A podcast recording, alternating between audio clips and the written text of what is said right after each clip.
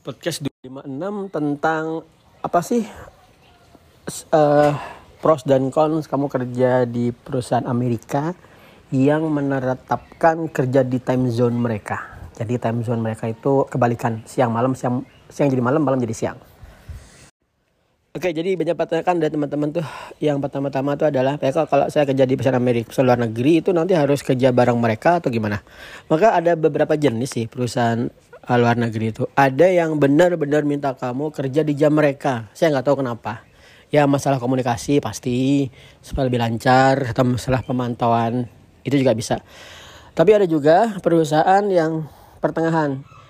Di time zone kami setengah jam aja setengah hari kerja aja yaitu 4 jam.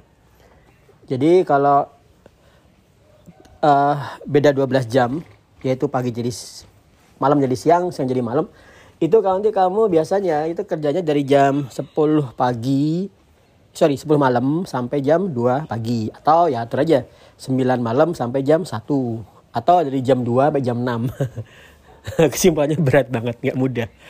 Saya pernah mengalami seperti ini itu di perusahaan Kanada. Dia mensyaratkan 4 jam 4 jam di waktu mereka. Dan saya cuma bisa bertahan satu bulan sebenarnya. Bulan selanjutnya saya, saya kewalahan banget akhirnya dipecat Kenapa? Wah karena berat banget ketiduran. Misalnya kan saya lagi kerja gitu kan capek ketiduran. Wah parah banget. Uh, nggak mudah ya. Jadi misalnya gini, kamu begadang 3 jam di malam hari harusnya di, biasanya jam 12 kamu tidur sampai jam 3 pagi. Itu bukan berarti bisa kamu ganti dengan tidur siang selama 3 jam loh. Itu nggak ada artinya. Saya nggak tahu kenapa. Nggak ngefek tetap tetap lelah banget lah saya seharian itu karena kita begadang di malam. Apalagi kalau perusahaannya itu benar-benar nggak mau kamu kerja di time zone-mu, harus di time zone mereka. Wah itu kelabakan banget. Kamu berarti kerja dari jam 10 ya. 8 jam kerja itu berarti jam berapa? Jam 4. Ya jam 4. Dari, dari jam 10 sampai jam 4. Oh itu berat sekali ampun. Uh, kamu kerja jam segitu, pagi-pagi itu lelah tidur ya kan kamu tidur sehari sampai sore pun tuh bangunnya tetap capek.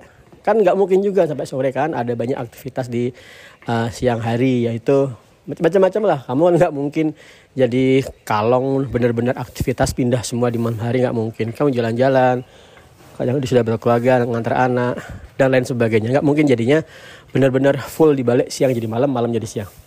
Nah juga ada faktor kesehatan. Saya nggak akan um, bahas lebih lanjut tentang kota kesehatan karena saya bukan bidangnya, tapi yang saya baca itu adalah ada regenerasi sel yang tidak bisa dilakukan di siang hari dan hanya bisa dilakukan di jam-jam dini hari dan itu kamu harus tidur. Kalau kamu terus-terus ngulang, terus-terus nggak tidur saat itu, nanti regenerasi itu nggak terjadi dan ada banyak masalah kesehatan. Kalau nggak salah itu sel-sel hati ya. Silakan aja kalian cari. Nah kalau sel-sel itu nggak bisa diper baru ya masalah kesehatan jadi banyak banget. Paling gampang itu jadi turun imunitasnya. Oke itu itu yang paling penting masalah kesehatan. Nah terus gimana caranya kita bisa menghindari cara seperti itu? Ya paling gampang adalah jangan kerja di perusahaan yang seperti itu polanya. Itu satu ya. Ya paling gampang seperti itu ya kan? Tapi kan nggak ada kita nggak bisa milih lagi butuh duit. Terus ada perusahaan Amerika ngaju kamu sampai 20 30 juta. Wah keren banget kan Terus tapi syaratnya harus di jam mereka. Kamu masih muda mikir oke okay deh lanjut. tapi ternyata berat banget. Ya sudah kamu terpaksa mengikuti mengikuti ritme kerja mereka. Nah tapi gimana kalau akhirnya kamu ngerasa ingin uh, berhenti dari itu? Maka ada beberapa saran yang bisa saya pikirkan sih. Pertama negosiasi ulang. Jadi kamu dan perusahaan itu setara loh ya. Kamu nggak boleh mengerasa dirimu itu jadi bawahan perusahaan dan perusahaan itu bisa bebas nyuruh kamu apa aja. Kamu nggak boleh seperti itu. Kenapa? Karena mereka itu butuh tenaga. Orang yang skill seperti dirimu itu mereka butuh. Maka udah seperti itu kamu negosiasi. Negosiasi sampaikan ke perusahaan. Bos, bebas lah intinya. Bos bisa nggak? Bos saya ada masalah kesehatan dengan polas yang seperti ini. Saya minta kerja saya hanya 4 jam di jam Amerika Kemudian sisanya saya minta di apa? Saya minta di jam saya. Dan kamu wajib memaksa. wajib nomor satu kalau saya nggak bisa saya terpaksa harus resign karena benar-benar masalah kesehatan percayalah kalau kamu itu talent yang unreplaceable skillmu itu luar biasa mereka akan negosiasi banget mereka akan benar-benar mempertimbangkan itu oke. Itu yang paling gampang. Terus bagaimana kalau mereka dia nggak mau? Oke kalau mereka nggak mau ya ya sudah kamu harus milih antara kesehatan atau gaji ya kan? Maka kamu harus resign pada suatu saat nanti di masa depan atau langsung aja atau siap-siap. Misal kamu udah punya tabungan masih bujangan nggak perlu banyak yang dipikirin tetap harus ada pikiran tetap harus ada pemikiran next job ya itu wajib.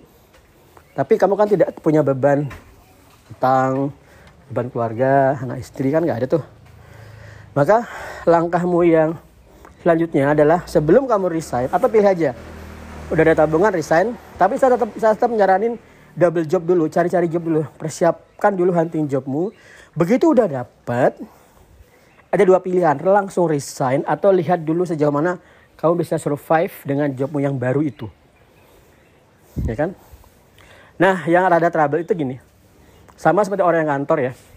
Kadang-kadang skill itu localize aja. Localize itu nggak ada job yang lain kecuali di situ. Atau ada tapi sedikit banget sehingga kamu terpaksa bertahan di job itu. Maka cara yang selanjutnya adalah kamu wajib upgrade skill. Ya wajib nggak ada, gak ada pilihan lain.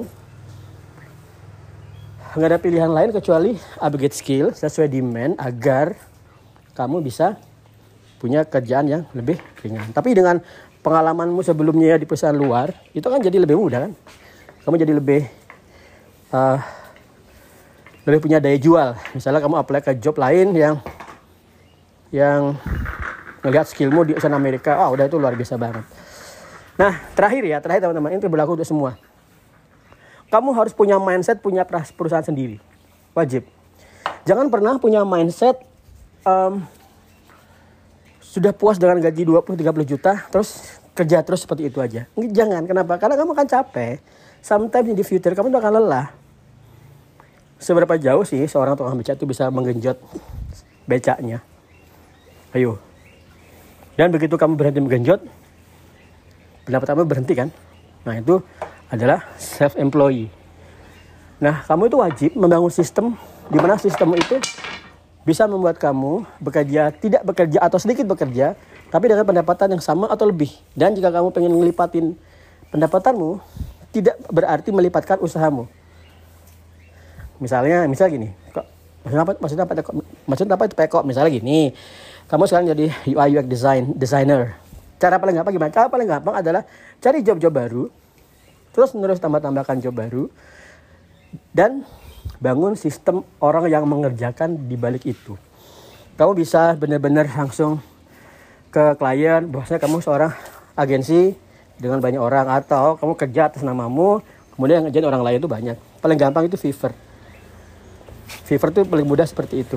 Kalau kalau nggak Fiverr sih uh, Upwork bisa tapi yang fixed price. Yang hourly nggak bisa dibagi. Sebenarnya bisa tapi dia harus datang ke tempatmu main buka di buka di laptop. Udah ada sabu ya mbak ya? Uh, terus ini sudah nggak usah nggak usah nggak usah ya atau ya nggak usah nggak usah ya hmm. oke okay, uh, eh ada yang mau bersih-bersih rumah. nah, mindset ngebangun usaha, ngebangun agensi, saya tahu itu nggak mudah. Dia butuh tenaga potensial yang besar. Maksudnya gini, kamu udah jalan ya dengan gaji 20 juta per bulan misalnya, ngejalan sendiri. Kemudian begitu kamu pengen bangun agensi dan menyuruh orang yang mengerjakan, pasti yang kamu terpikir adalah aku harus nyuruh, aku harus ngajari orang lain, harus mantau, harus gaji, bisa dulu gaji 20 juta karena sekarang ada orang lain bisa gajimu turun sampai 15 atau malah 10 atau atur aja. Tapi yang harus kamu pikirin itu adalah multiplier efeknya. Efek lipatan ke depan yang nggak kamu bayangkan saat ini. Paling awal seperti ini. Kalau kamu cuma mikirin wah gajiku dipotong karena gaji orang, maka kamu harus lupa, kamu lupa waktumu terbebas, ya kan? kamu gaji kamu pilih deh gaji 20 juta full time 8 jam per hari atau 10 juta yang ngapa-ngapain ya sebetulnya paling enak, paling enak sih 20 juta nggak ngapa-ngapain juga ya. Bisa, tapi kalau kamu disuruh milih trade off-nya adalah pendapatan lu berkurang, tapi waktumu terbebas. Nah, percayalah lebih pilih waktu terbebas. Karena dengan waktu terbebas kamu bisa ngebangun sistem lagi cari job baru kemudian delegasikan lagi. Waktu berkurang lagi. Terus seperti itu. Bayangkan ya kalau dari tadi ya awalnya kamu agak turun pendapatan nih dari 20 juta jadi 10 juta. Oke. Kemudian dengan waktu terbebas kamu bangun bangun brand bangun skill hunting job lagi. Kemudian mulai dapat nih job yang lebih mahal dari itu yang tadi 20 juta sekarang 40 juta dan kamu bisa delegasikan dan dengan harga yang sama. Jadi kamu udah dapat profitnya 10 juta yang ini profitnya kamu 30 juta. Kemudian total 40 juta gaji buta. Ini yang harus kamu pikirin ini harus kamu tekankan multiplier effect ke depannya. Jangan cuman karena mikir oh harus gaji. Jangan seperti itu. Nah cuman tantangannya sekali lagi adalah satu mencari talent. Dua mengatur kualitas dan tiga apa ya menjaga growth agar stabil stable. Nah cara ini kamu gabung ke RWID pertama talent tuh banyak teman-teman ada tuh mudah di mudah dicari. Siapa yang mau dapat job? Banyak udah. Dalam hitungan menit yang apply banyak. Kemudian kamu atur aja. Tentu juga saya akan ada materi-materi untuk ngebantu kalian ngebangun digital agensimu sendiri. Berapa biaya kok biayanya adalah sama aja. Kamu cuma daftar RWID 11850 atau dengan yang baru 1550 gabung berempat tapi nunggu dan yaudah kau dapat bimbingan lifetime sampai kamu punya agensimu sendiri. Itu yang saya usulkan bagi kalian yang ingin pindah ke pekerjaan apa pun itu yang remote work dari pekerjaan yang lama. Oke okay, thank you